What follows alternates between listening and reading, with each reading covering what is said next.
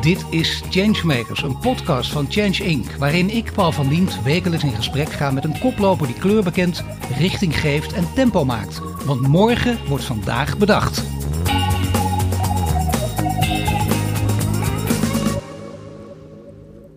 Mark Post is wetenschapper en produceerde in 2013 de allereerste hamburger gemaakt van kweekvlees. Hij richtte Mozamiet op om kweekvlees zo snel mogelijk naar de markt te brengen. Inmiddels is het een industrie die goed is voor een half miljard euro. Tegelijkertijd is Post hoogleraar fysiologie aan de Universiteit van Maastricht. Welkom Mark, goed dat je er bent. Goedemiddag, fijn om te zijn. Changemaker van de week, wat fantastisch. Eerst wereldnieuws en nu dit er nog eens overheen. Het kan gewoon niet meer stuk, hè? Uh, nee, nee, het is een goede week. We beginnen zoals altijd in, in deze interviewreeks met de, met de vraag naar het nieuws van de afgelopen tijd dat de meeste indekopje heeft gemaakt. Uh, het duurzame nieuws dat de meeste indekopje gemaakt. Wat is dat voor jou? Nou, dat was eigenlijk heel uh, onthutsend uh, vanochtend en ook gisterenochtend. Het bericht dat er in Frankrijk een boel commotie is ontstaan over het geven van vegetarische maaltijden aan kinderen op school.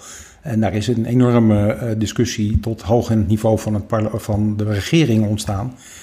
Uh, terwijl het om zoiets simpels gaat en gezonds en uh, duurzaams als vegetarische voeding verstrekken aan kinderen op scholen.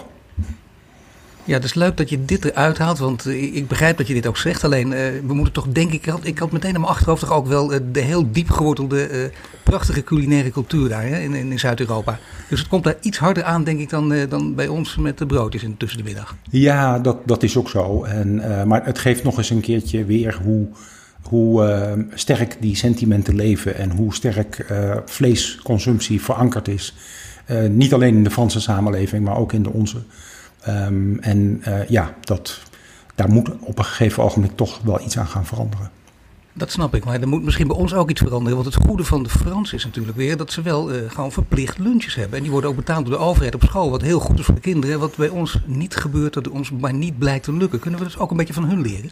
Natuurlijk, natuurlijk kunnen we ook van hun leren. Daar zitten, zitten hele goede kanten aan. Um, en uiteindelijk zijn we natuurlijk gewoon allemaal Europeanen en niet zo heel erg veel verschillend. Um, dit is een manier waarop het daar georganiseerd is. En in veel landen is het zo georganiseerd. En ik denk dat dat een ja, dat dat een goede zaak is, eerlijk gezegd, dat er via eh, scholen, als het tenminste fatsoenlijk, uh, fatsoenlijke voeding is, via scholen voeding wordt uh, geregeld. Want er is natuurlijk gewoon een groot gedeelte van de bevolking, um, zelfs in rijke landen als Nederland, waar het met de gezondheid van de voeding nou niet zo heel erg goed gesteld is. Dan gaan we praten over, over je bedrijf, Mozamiet, over kweekvlees. Maar eerst even terug in de tijd, want ja, het begrip duurzaamheid, daar heb je allerlei andere woorden misschien ook wel voor, maar iets in die richting Wanneer viel bij jou een kwartje? Gebeurde dat echt wel op school of, of op de universiteit? Um, ja, um, op school, nou op school weet ik niet, op de universiteit is uh, duurzaamheid ook in toenemende mate een begrip. Um, het is natuurlijk, ja, op zich is een universiteit niet zo'n hele verspillende organisatie. Hè. Ze geven gewoon lessen aan studenten en ja, heel veel geproduceerd of geconsumeerd wordt daar niet. Um, maar nog steeds kun je wel natuurlijk in de technologieën die ontwikkeld worden in de universiteiten en, en ook wel in de praktijk van het uh, experimentele onderzoek kun je enorme duurzaamheidsslagen maken. En uh, verschillende universiteiten, onder andere de Universiteit van Maastricht, zijn daar mee bezig. En daar kan nog heel veel verbeterd worden, maar um, ja, het is wel iets wat natuurlijk heel nadrukkelijk de aandacht heeft. Nou ja, niet voor niets ook jouw bedrijf Mozambique, een spin-off ook van de Universiteit Maastricht. Maar als we nu teruggaan naar, uh, je bent nu de hoogleraar fysiologie, de ondernemer, maar je was ooit student. Of je was ooit ook, uh, ook je bent toch ooit even voor, voor, de check, maar je bent ooit jong geweest, toch of niet? Ja. Ja, nee, nou, ja. je weet het nooit, nee, ja. maar zeker. En je, je, je herinnering gaat nog wel een tijdje terug, denk ik. Was je al heel jong met duurzaamheid bezig? Of is er een, is een bepaald moment, het, is bijna te cliché, maar toch een kantelmoment misschien geweest in je leven? Nee, eigenlijk al uh, vanaf het begin, van het moment dat ik kon gaan stemmen, um, heb ik van het begin gezegd van uh, mijn stem moet in ieder geval gaan naar een uh, organisatie of een partij die duurzaamheid um, voor ogen heeft. En in ieder geval zorg om de planeet. Um, want dat is in mijn ogen uiteindelijk het meest kostbare wat we hebben. Uh, al het andere vervaagt daar ongeveer bij. En dat betekent ook dat in uh, het dagelijks leven natuurlijk uh, ben ik ook gewoon kind van deze samenleving en doe af en toe dingen die niet zo heel erg verstandig zijn. Maar ik probeer wel zoveel mogelijk ja, allerlei energieverslindende activiteiten achterwege te laten. Maar het was voor jou dus vrij jong al ook logisch om als student zo'n bewuste keuze te maken. Dat heeft ook te maken met alles, met opvoeding, met, met, met interesse, met ergens naar kijken. Of, ja. of is er iemand geweest, bijvoorbeeld een leraar op school, dat kan, hè? iemand die echt bepalend is geweest voor, voor je gedachtenvorming? Nou, niet dat ik me heel erg kan herinneren, eerlijk gezegd. Echt iets wat diep vanuit mijzelf is gekomen. Nu is het zo dat je, dat je ook ondernemer bent. En uh, ondernemer met, met, een, met een echte visie en een echte opdracht, namelijk uh, het wereldvoedselvraagstuk oplossen. Ik zeg het nu zonder humor, maar je, je, kent ook de studenten die, nou ja, hè, die, die uh, met, met wiet en drugs om zich heen en dan, dan hele nachten. En die hadden ook na één nacht het wereldvoedselvraagstuk opgelost. Zo groot ja. is het. En toen was het toch vaak nog in de lacherige sfeer. Maar het mooie is, het kan nu echt. Het kan, eindelijk kan het echt. En het kan ook in een soort versnelling. Wat voor grote bijdrage kun je eraan leveren met, met, met onder andere Mozambique? Nou, de, de technologie om vlees te maken buiten dieren om, tenminste grotendeels buiten dieren om, um, biedt enorme mogelijkheden. Um, je, dat maakt het hele productiesysteem een stuk flexibeler en minder afhankelijk van dieren die gewoon vanuit hun biologie uh, methaan uitstoten. Daar kunnen ze ook niks aan doen. Maar dat doen ze wel. En dat levert een enorme bijdrage aan broeikasgasuitstoot. En wat misschien nog wel belangrijker is, is dat met name koeien zo inefficiënt zijn. Um, 85% van wat wij um, koeien te eten geven, um, is eigenlijk gewoon verloren. En koeien eten natuurlijk gras, dus dat kunnen wij niet eten. Dus dat zou je zeggen van nou ja, dat, uh, dat is dan niet echt uh, verspilling. Maar in toenemende mate eten ze natuurlijk ook gewoon granen en soja, eiwitten, dingen die wij ook allemaal kunnen eten. En door die koeien als zeg maar tussenstap te hebben, verliezen we dus enorm veel grondstoffen die we ook kunnen gebruiken gewoon voor voeding van mensen. Ja, dat betekent uh, dat het ook nodig zal zijn, niet alleen in het Westen, maar de hele wereldbevolking. Daar gaat het om. En die gunnen we ook uh, hun vlees, tussen aanhalingstekens dan, hun kweekvlees. Ja, ja, want dat is iets wat. kijk, we zijn natuurlijk heel vaak gericht op wat hier in Nederland gebeurt. En dan zeggen mensen: ja, we gaan allemaal minder vlees eten en dat is allemaal prima. Maar dat valt volledig in het niet bij wat in, op dit ogenblik in India en China aan het gebeuren is. In dat mensen die op een gegeven ogenblik voldoende geld hebben, meer vlees gaan eten. En dat is een ijzeren wet die zich nu aan het uh, tonen is in deze landen. En dat leidt tot in de komende 30 jaar tot 70% meer vleesconsumptie wereldwijd dan we op dit ogenblik hebben. En als je dat met de huidige traditionele veeteelt zou doen, dan heb je gewoon niet voldoende planeet om al die dieren te voeren. Dus wil je voedselzekerheid, dus voldoende um, uh, voedsel voor 10 miljard mensen en ook uh, uh, vlees, eiwitten, vereist een absoluut andere aanpak. Er is geen andere weg mogelijk wat dat betreft. Nou zien we wel, deze boodschap komt bij veel mensen goed over. komt het minder goed over bij de landbouwsector. Zoals je weet, heb een hele sterke lobby in Europa, om het zacht uit te drukken.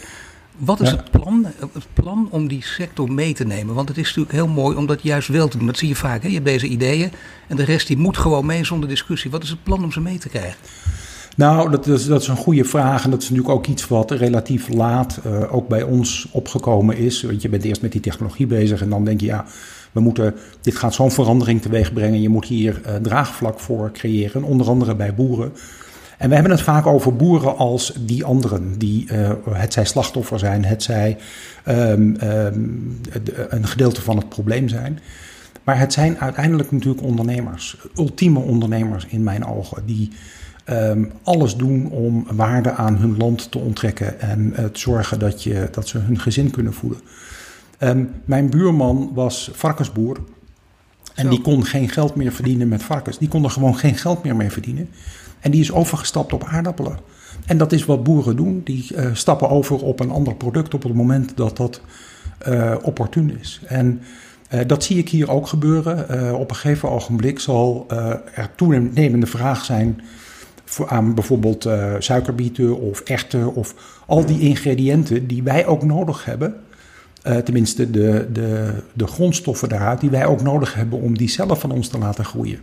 Dus als je een samenwerking met boeren kunt opzetten en met veevoederbedrijven bijvoorbeeld om um, gewassen te telen en te verwerken die wij vervolgens in deze industrie kunnen gebruiken, dan gaan boeren vanzelf op een gegeven ogenblik een andere vorm van uh, boerenbedrijf leiden. Nou ja, het is een mooie visie om ook gewoon in Den Haag eh, goed in te prenten. En trouwens ook in Brussel, hè, om gewoon te kijken of er stappen gezet kunnen worden. Ja. Nu heb je ooit gezegd, uh, ik citeer je even, dit soort producten, hè, jouw product, dit soort producten gaat onze kijk op dierlijke eiwitten en vlees veranderen. En de overgang naar plantaardig vergemakkelijken. Nou lijken dat uh, vaak tegenpolen. Hè? Want je kijkt bijvoorbeeld naar Jaap Korteweg, je kijkt naar uh, Vivera, die zijn ook allemaal bezig. Hele grote uh, bedrijven, enorme impact ook, zeker naar de overnames.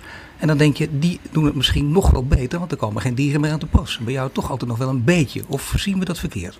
Nee, dus op zich ben ik het daar wel mee eens. Um, wat even overgeslagen wordt, denk ik, is dat je wel het, de consument, het publiek mee moet krijgen.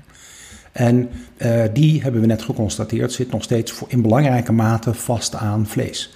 En als je het hebt over hamburgers of gehaktballen of um, uh, wat je dan ook aan uh, min of meer verwerkt voedsel kunt verzinnen.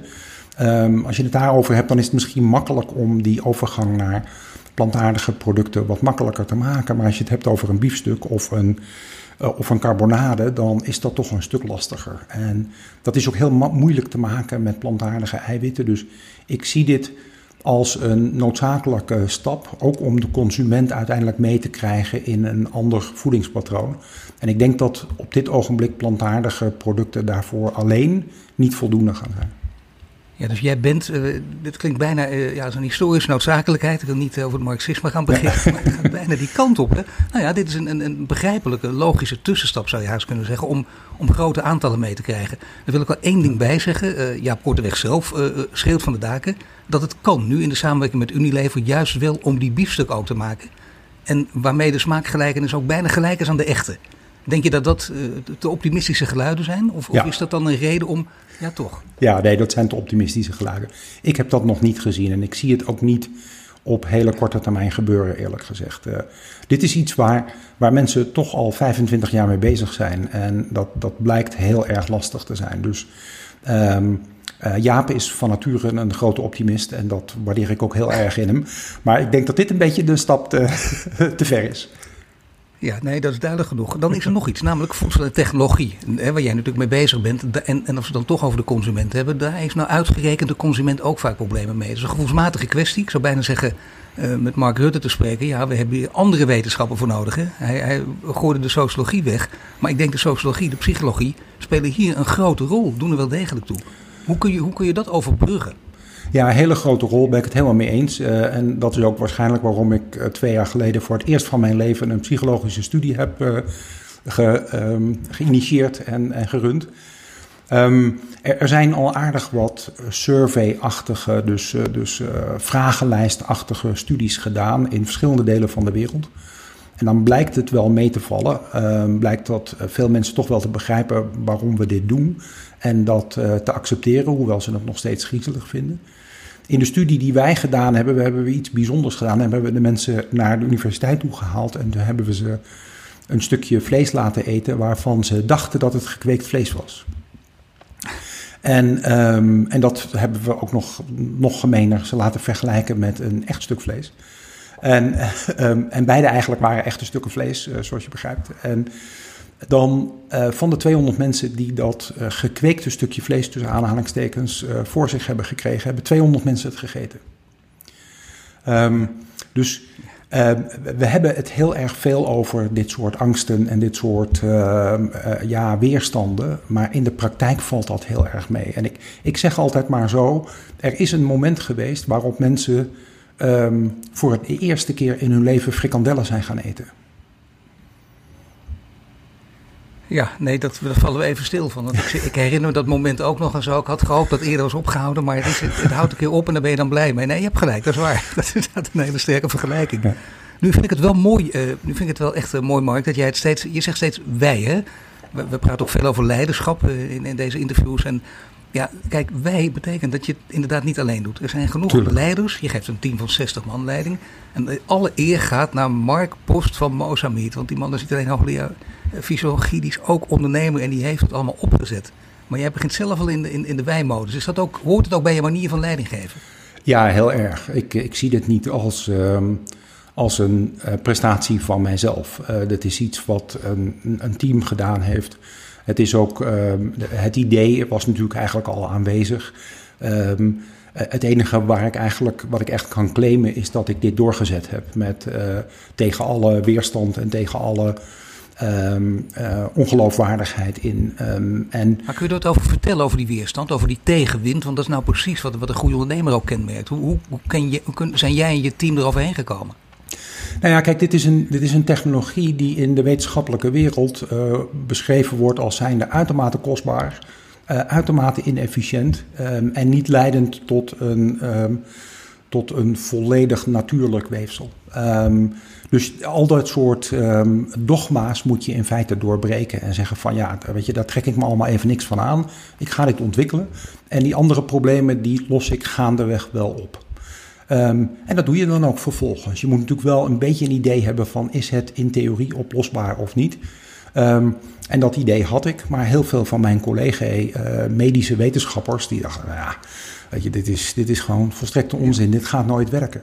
Kennelijk heeft niet iedereen die mogelijkheid om te zeggen van ja, ik zie al die obstakels, maar ik doe voorlopig even alsof ze er niet zijn. En op het moment dat ik ze moet oplossen, uh, los ik ze wel op.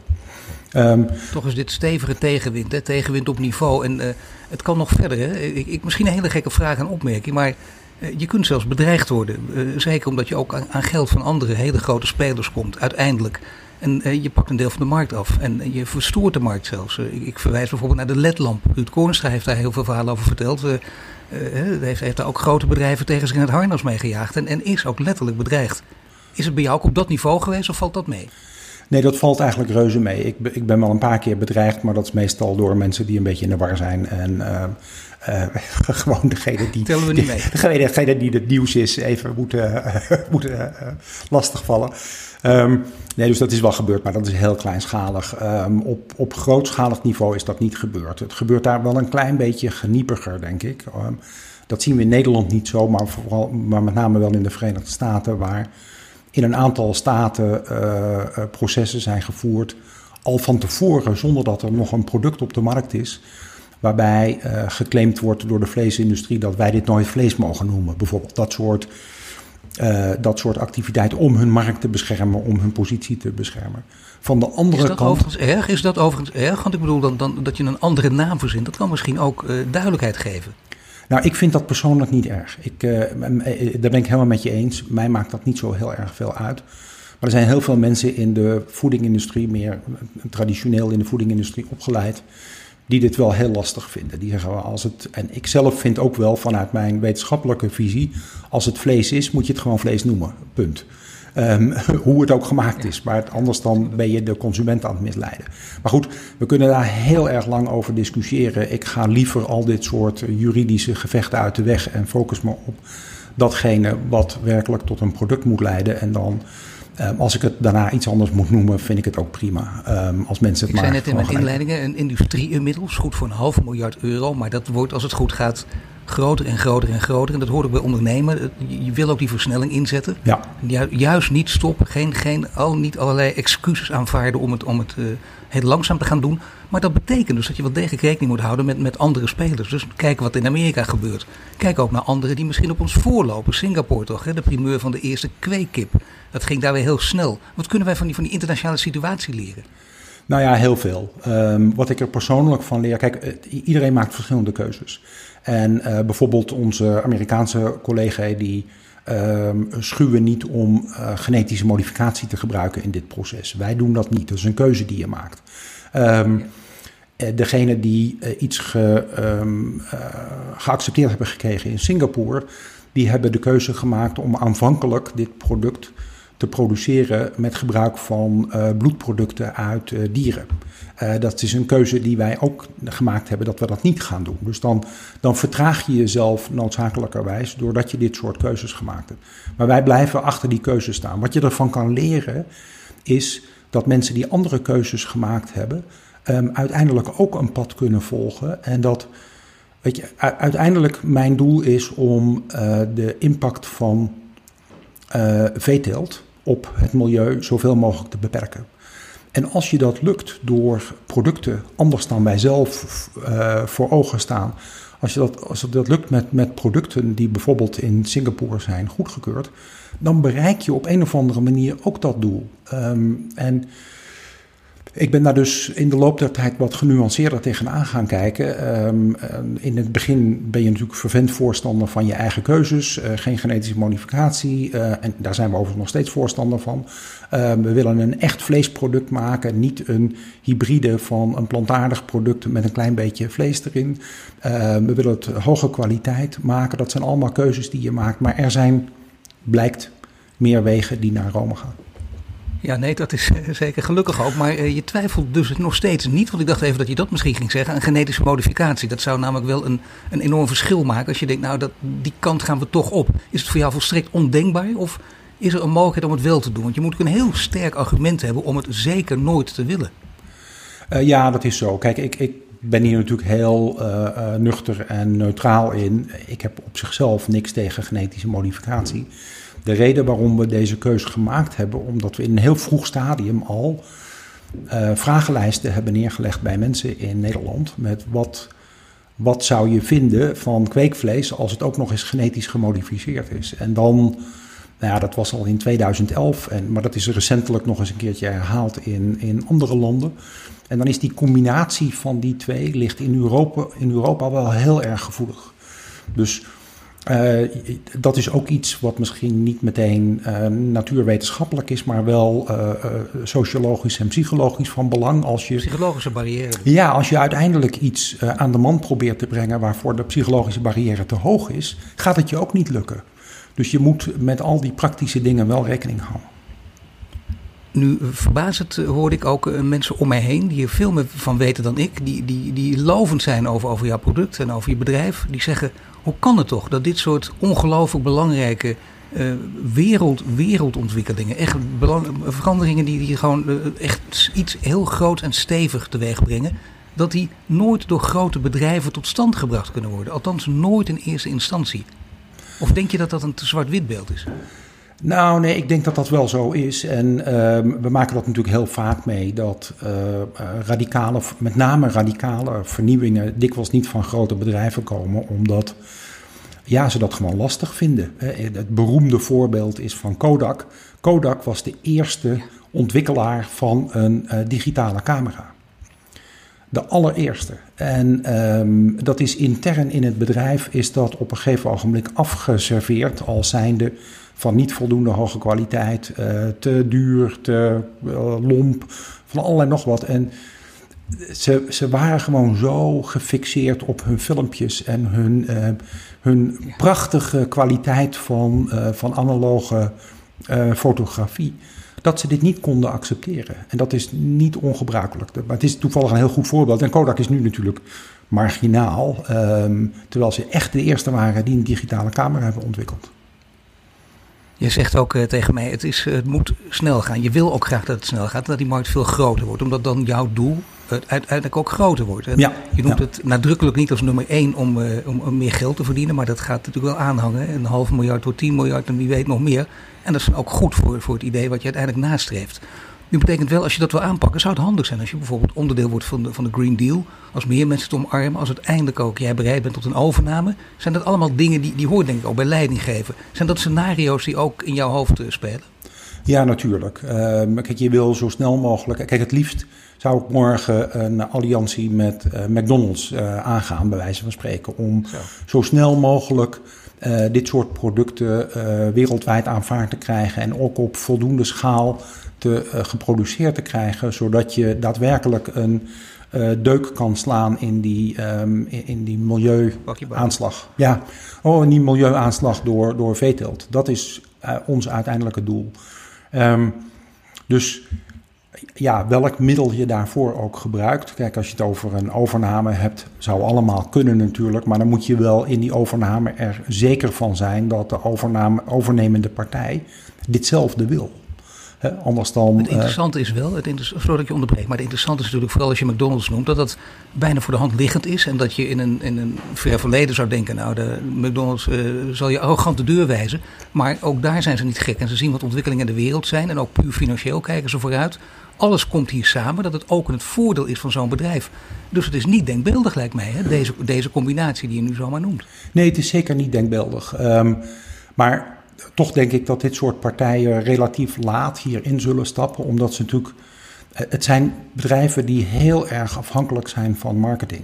En dus van uh, de publieke opinie, hoe het publiek nadenkt over dit soort producten. Dus ze zijn heel erg terughoudend met radicale producten waarvan ze het vermoeden, ook maar het vermoeden hebben dat consumenten daar wel eens uh, niet om staan te springen. Dus het is over het algemeen, denk ik, een, uh, een wat conservatieve uh, club.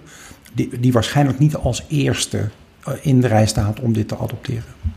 Nee, behalve dus als dit marketingtechnisch uh, in ieder geval uh, betekent dat ze, dat ze sprongen vooruit gaan maken. En dat ze weten hoe je dit in de markt moet zetten. Dat maar zou dat zal inderdaad nog ja. even kunnen duren. Ja, dat zou kunnen. Nu is er nog iets, namelijk ik, ik had het over de Green Deal en over de politiek. Speelt hier ook een grote rol. In Europa kan die ook een grote rol in spelen. Er wordt vaak over nagedacht. Hè. We hebben het, uh, om het niet al te groot te maken, maar toch over de wereldsituatie. Dus in zekere zin over geopolitiek. Hoe kun je beter onderscheiden in Europa dan op dit soort terreinen. We, we, we, moeten geen nieuwe Facebook of wat dan ook, daar kunnen we bijna niet meer tegenop. Maar dit kunnen we wel. Hoor je dit soort geluiden ook van vooraanstaande politici die, die ook samen met het bedrijfsleven het verschil kunnen maken? Jazeker. Um, het is nog te weinig, denk ik. Het is nog te weinig. Um, uh, het is nog geen meerderheid. Kijk, in Nederland uh, is er vorig jaar, nee, het jaar daarvoor, een, uh, een, parlementaire discussie over geweest. En ja, dat, dat gaat wel de goede kant op, maar um, dat gaat toch betrekkelijk langzaam. In Europa, een van mijn grote frustraties is dat de Groene Partij in Europa heel sceptisch is en heel moeilijk over te halen is om dit te adopteren. En um, ik begrijp dat niet. Ik, en ik begrijp ook niet waarom de Partij voor de Dieren in Nederland dit niet uh, enorm omarmt. Maar goed.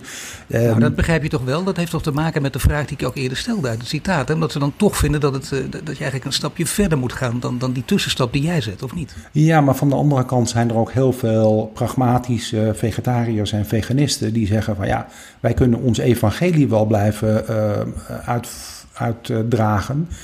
Maar als dit soort pragmatische oplossingen veel sneller leidt tot vermindering van dierenleed en tot vermindering van industriële uh, veeteelt, dan omarmen we dat. Dus er zijn ook heel veel mensen die daar op een hele pragmatische manier naar kijken en niet vast blijven houden aan, ja, uh, dat kweekvlees dat moet niet, we moeten gewoon allemaal planten gaan eten. Ja, dat, uh, kan, je, dat kan je vinden, maar um, dat gebeurt op dit ogenblik gewoon niet.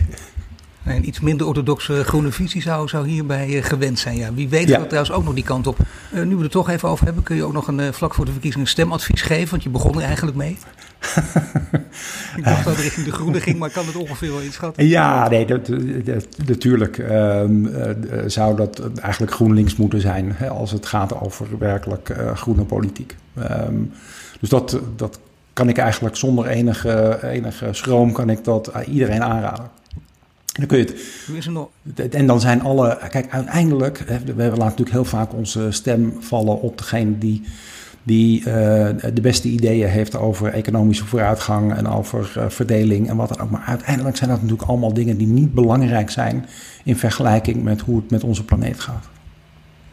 Je had het over dat uh, deukende pakje boter. Mag ik ook even een spreekwoord wagen, namelijk. nou nee, laat ik het eigenlijk maar niet doen, want spreekwoorden zijn, zijn, zijn te gevaarlijk. Weet je, dat gaat de verkeerde kant op.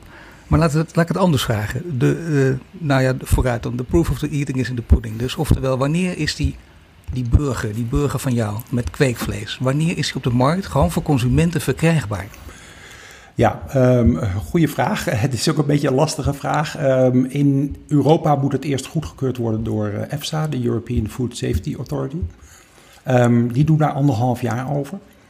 Dat betekent dat van het moment dat wij dat indienen, dat gaat ergens uh, halverwege dit jaar gebeuren, dan uh, duurt het nog uh, zeker anderhalf jaar daarna voordat het op de markt komt. In het begin gaat het dan relatief kleinschalig en duur zijn. Um, dus voordat het in de supermarkten komt, gaat daar ook weer een paar jaar over. En dat is een beetje lastig te voorspellen hoe lang dat gaat duren. we weten aan welke knoppen we moeten draaien om die prijs naar beneden te krijgen. Ehm, maar we zijn ook niet alleen maar van onszelf afhankelijk. Er zijn ook een aantal andere uh, spelers die daar een rol in spelen. Met, met bijvoorbeeld toeleveranciers van materialen.